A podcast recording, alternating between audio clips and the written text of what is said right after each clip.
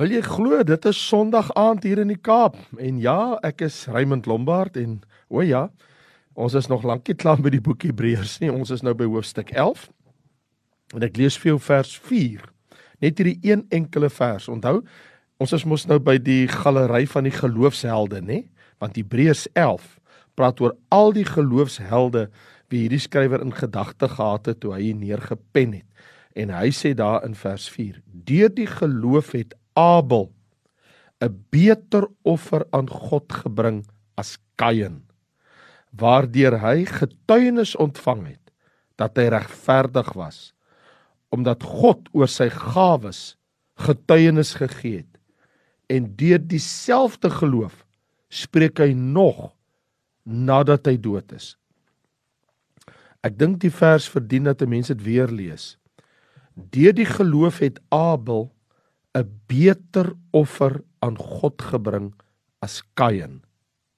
Waardeur hy getuienis ontvang het dat hy regverdig was omdat God oor sy gawes getuienis gegee het en deur dieselfde geloof spreek hy nog nadat hy dood is.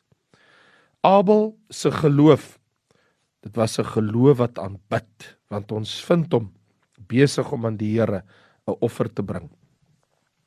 'n Diene mens die verhaal lees van Abel en Kain sonder 'n verduideliking, dan vind 'n mens hierdie verhaal baie misterieus. So, kom ons gaan net na die agtergrond storie van hierdie eerste twee broers. Want daar is 'n agtergrond storie en die agtergrond storie vind ons mos in Genesis hoofstuk 4 vers 1 tot 10. En die mens, dis nou Adam, het sy vrou Eva beken en sy het swanger geword en Kain gebaar en gesê ek het 'n man verkry met die hulp van die Here. Daarna het sy ook sy broer Abel gebaar en Abel het 'n skaapherder geword en Kain 'n landbouer. En na verloop van tyd het Kain van die vrugte van die land aan die Here offer gebring en Abel het ook van die eersgeborenes van sy kleinvee gebring, naamlik van hulle vet en die Here het Abel en sy offer genadig aangesien, maar Kain en sy offer nie aangesien nie. Toe word Kain baie kwaad en hy het sy hoof laat hang. En die Here sê vir Kain: "Waarom is jy kwaad?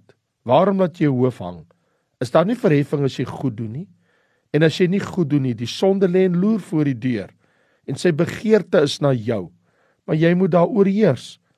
En Kain het met sy broer Abel gepraat. Hulle twee was in die veld en Kain het en sy broer Abel opgestaan en hom doodgeslaan.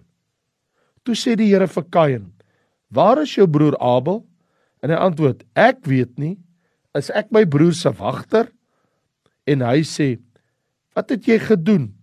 Die stem van die bloed van jou broer roep na my van die aarde af. Onskuldige bloed, nê? Wat vergiet is, roep tot God. So wanneer 'n mens hierdie agtergrond gelees het van hierdie eerste twee broers in die Bybel, dan vind jy ook nou hier onder andere Abel het 'n skaapherder geword en Kain 'n landbouer. Albei die broers was godsdienstig en elkeen het op 'n bepaalde tyd sy eie offer gebring om aan God te offer. Kain bring van die vrugte van die land. Abel bring van die kleinvee. Hy bring 'n lam. Nou vreemd soos dit mag blyk. God aanvaar Abel se offer, maar nie sy broer Kain se nie. Kain is kwaad. Die Bybel sê baie kwaad daaroor. En God praat met hom oor sy houding. Maar Kain gooi 'n dowe oor. Hy staan op en hy vermoor sy eie broer Abel. En die storie eindig tragies. Want vers 16 sê daar in Genesis 4: Toe gaan Kain weg van die aangesig van die Here. Nou wat 'n vreemde storie mag ons dink. Wat is die denke of die redenasie agter hierdie primitiewe drama? Mag ek en jy nou vra.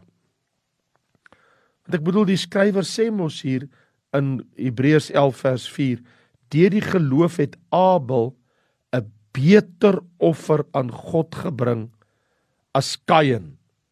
Nou lees ons ook in die voorlaaste Bybelboek in die boek Judas, Dis nou die tweede laaste boek in die Bybel, hoofstuk 1 vers 11 staan daar. Wie hulle want hulle die weg van Kain bewandel. So in ander woorde Kain het iewers die pad byster geraak. En lees ons in 1 Johannes 3 vers 12. En nie soos Kain wat uit die bose was en sy broer doodgeslaan het. Omdat waarom het hy hom doodgeslaan? Want daar staan in 1 Johannes 3 vers 12 omdat sy werke boos was en die van sy broer regverdig.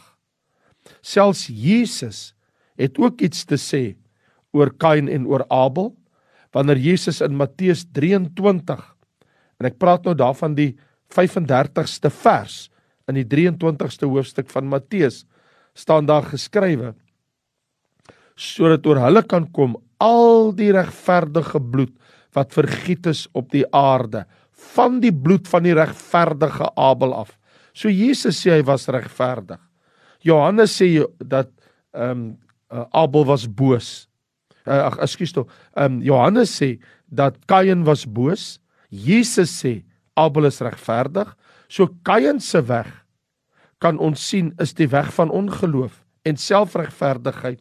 Ons praat hier van 'n mensgemaakte godsdiens. Terwyl Abel se weg is een van geloof.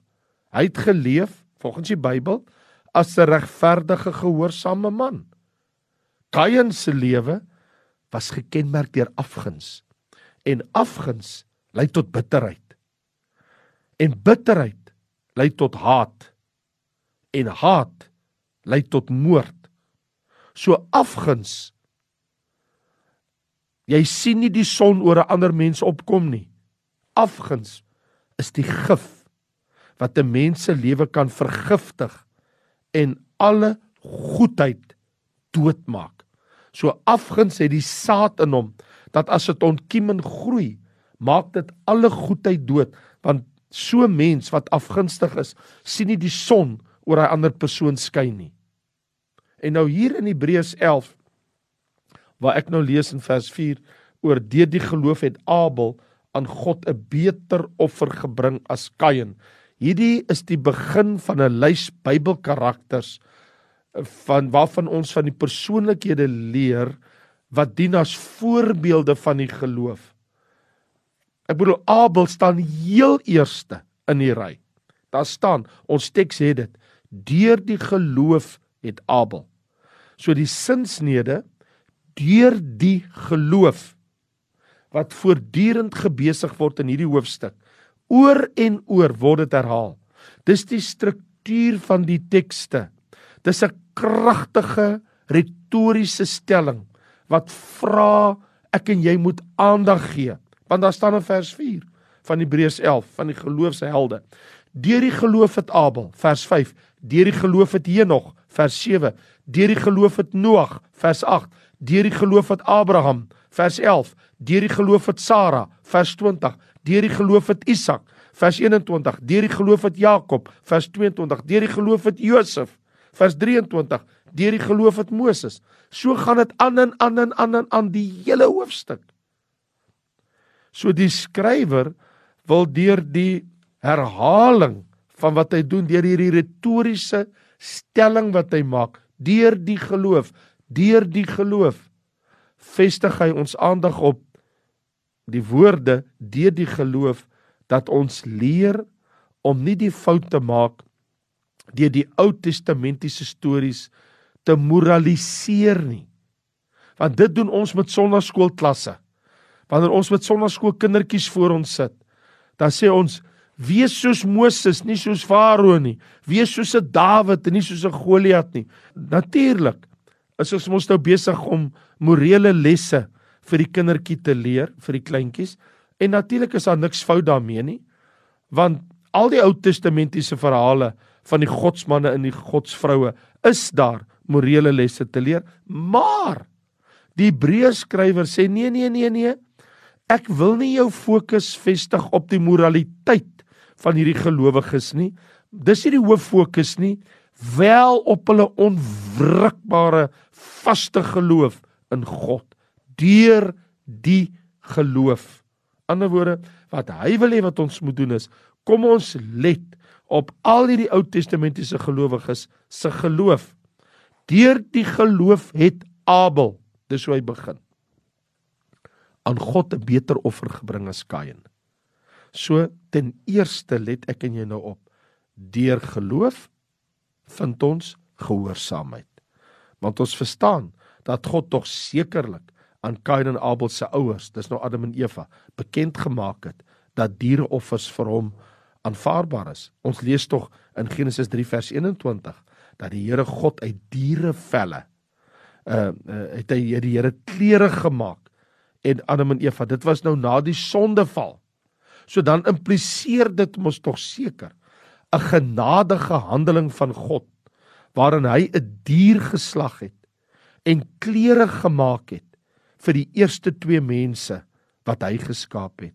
So die gestorte dierebloed was tog 'n direkte gevolg van Adam en Eva se sonde dat God nou vir hulle klere gemaak het en daarvoor moes 'n dier geslag word sodat die Here uit daai dier se vel vir hulle kon klere maak.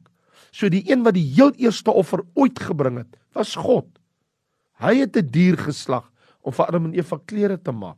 So weliswaar is dit so dat hierdie kategorieë van die rituele van diere offerandes wat ons in die tyd van Moses lees, wat in die Bybel vasgelees in die wetboeke van Moses.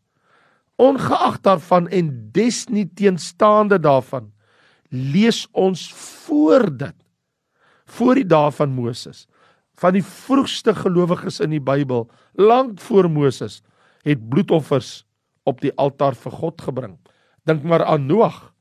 Toe Noag uit die ark gekom het, lees ons daar in uh, Genesis hoofstuk 8, daarvan vers 20 tot 22, lees ons en Noag het vir die Here altaar gebou en van al die rein diere en al die rein voëls geneem en brandoffers op die altaar gebring en die Here het die lieflike geur geryk. So ook Abraham in Genesis 15. Hy bring aan die Here offers. So ja, lank voor Moses. Nie net het Abel aan die Here 'n bloedoffer gebring nie, Noag het ook bloedoffers gebring. Abraham het ook bloedoffers gebring. So Kain en Abel het geweet wat God gevra het wanneer die mens vir God opsoek. Kain moes op hierdie stadium volgens berekening as ons kyk na die ander mense om hom ongeveer 129 130 jaar oud gewees het. Nou op daai ouderdom behoort hy mos al van beter te weet in die lewe. Maar as gevolg van sy eie selfregverdigheid volg hy die weg van Kain, die weg van homself. Terwyl Abel aan die ander kant, hy het 'n geloofsgehoorsaamheid wat God het gesê, wat hoe God dit wil hê en hy doen wat God vra. Dit was die aanvaarbare aanbidding vir God. En God getuig dit, want ons lees in vers 4 dat want God het getuienis gegee oor sy gawe dat hy regverdig was. So God het getuienis gegee, die Here dit aanvaar.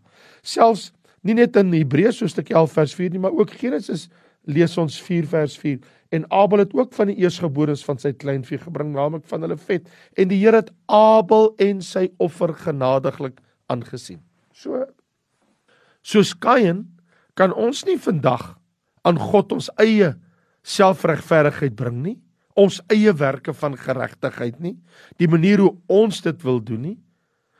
Slegs kan ons ons beroep op Jesus Christus se offer aan die kruis, die lam van God. Ek kom nie met my geregverdigheid, ek kom nie met my eie geregtigheid nie, ek kom met Christus. Die weg van Christus, vriende, nie die weg van Kain nie. Abel het deur die geloof 'n beter offer gebring. Ons kom tot dieselfde God as Abel. Maar ons kom tot hierdie God deur Christus ons geloof in Jesus Christus se offer, die offer aan die kruis. Dus deur geloof vind ons geregtigheid, want Hebreërs 11 vers 4 sê en daardeur het hy getuienis ontvang omdat God sy offer aanvaar het dat hy regverdig was. Hy het getuienis ontvang. Jesus self in Matteus 23 vers 35 sê dat Abel 'n regverdige man. Johannes self in 1 Johannes 3 vers 12 sê Abel was 'n regverdige man en hier sê die Hebreërs skrywer, hy was 'n regverdige man. Jy sien, dink aan die twee vlerke van 'n duif. Geloof en regverdige werke, hierdie twee saam, is soos die twee vlerke van 'n duif. Daar kan geen vlug wees sonder beide vlerke nie. Jy het albei nodig. Geloof saam met die dade. Geloof en werke gaan saam.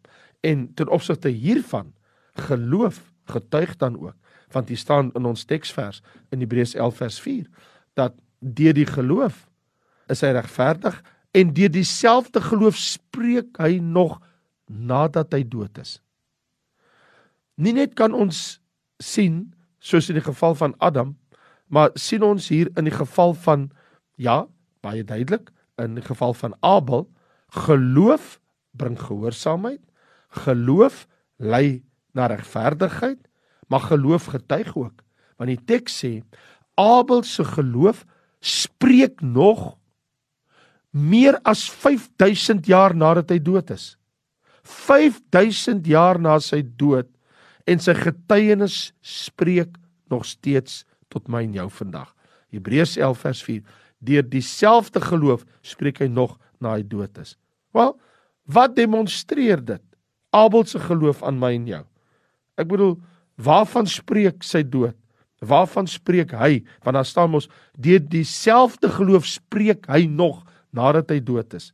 Sy geloof, sy geloofsgehoorsaamheid aan God het hom sy lewe gekos.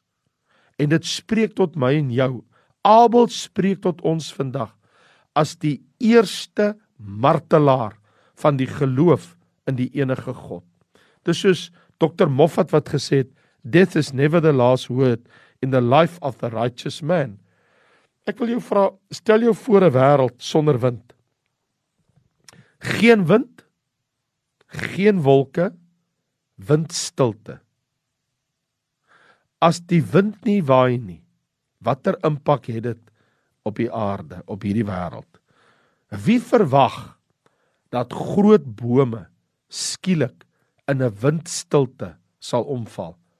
Maar dit is presies wat gebeur het in daai reuse glaskoepel in die Arizona woestyn. 'n Klompie jare terug was ek daar in Arizona uh in Amerika in Arizona. Nou in daai reuse glaskoepel is daar bome Hulle het dit geplant binne uh, in grond wat binne in die glaskoepel is. Groot groot glaskoepel op die aarde.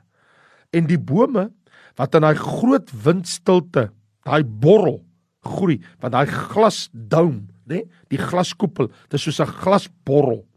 En dit is verskriklik hoog en groot.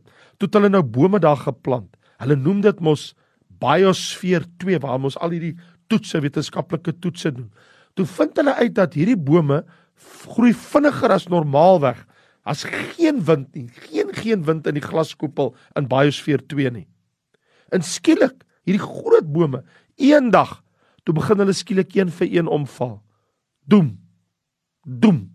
In sy eie gewig toe stort die bome ineen.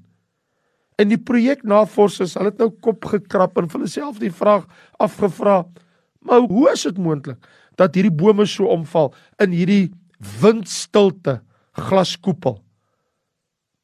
Toe kom hulle agter bome benodig windstres om sterk in hulle wortels te groei. Toe ontdek hulle dat vir bome om sterk te staan, is dit 'n baie goeie ding as die wind waai. Want as die wind waai, dan moet die boom se wortels moet al hoe dieper gaan en homself vestig onder in die aarde in die grond sodat die boom iets het om aan vas te hou wanneer die wind, die stormwind hom begin druk. Wel vriende, ek wil vir julle sê, indien Jesus nooit die stormsterk wind uit daai boot uit beveel het om te bedaar nie, sou die disippels nooit gevra het Wie is hy dat die wind en die see hom gehoorsaam is? Hoekom vertel ek dit vir jou? Want jy sien ons geloof groei te midde van al die stres, al die spanning, al die stryd, die winde van veranderings, die winde wat deur jou lewe waai. Ander woorde, jou stryd wat jy het, maak jou sterker en sterker in die Here. Dit maak jou nie swakker nie, want dan sak ons op ons knieë en ons roep tot die Here. Ons het nie een woord van Abel in die Bybel nie. Daar's nie een woord wat hy gepraat het in die Bybel nie. Tog sê die Bybel, spreek sy lewe tot ons. Miskien is dit meer wat die wêreld nodig het van elke kind van God ook van my en jou dat ons geloofslewe meer spreek as die woorde van ons mond. Ons lewe behoort tog duideliker en helderder te spreek as woorde. As daar ooit 'n mens op die aarde geleef het van wie dit waar is, dan is dit Abel die regverdige. En is heel gepas. En hy's ook heel eerste in die galery van geloofshelde in die boek Hebreërs. Abel spreek tot my en jou vandag nog al het hy nog nooit 'n woord gesê wat in die Bybel opgeteken is deur 'n man wat deur die geloof aan God 'n beter offer gebring het as sy broer Kain. Die offer wat ek en jy vandag na God toe bring is die offer van die kruis van sy seun Jesus Christus. Ons geloof staan onwrikbaar vas in Jesus se offer. Abel se geloof in God is 'n geloof wat aanbid. Jou geloof in God, watter offer het jy vandag om aan die God van die hemel te bring? Kom ons bring hom 'n lofoffer. Vader, ons wil U loof en prys en eer. Ons weet dat in twee hoofstukke verder Hebreërs 13 staan daar laat ons dan gedurig deur hom aan God 'n lofoffer bring die vrug van die lippe wat sy naam bely. Ons wil aan u 'n offer bring in die naam van Jesus Christus. Nie in ons eie naam nie nie in ons eie werke nie maar in Jesus se naam. Here ons wil nie soos Kain 'n selfregverdige en 'n bose offer aan u bring nie. Ons wil nie onsself bring nie. Ons wil Jesus se offer na u toe bring en sê Here ons kom na u toe Vader God van die hemel deur die offer van die lam van God wat sy koningsbloed, sy sondelose bloed gestort het vir ons sondes. Dis die offer wat ons na U toe bring. Vader, as ons na U toe kom, kom ons in die naam van die offerlam, in die naam van Jesus Christus, die gesalfde, die Messias. En bring ons aan U heerlike lofoffers, die vrug van ons lippe wat U naam bely, wat sê loof, loof, loof die Here, o my siel en alles wat in my is, sy heilige naam in Christus Jesus ons Here. Amen.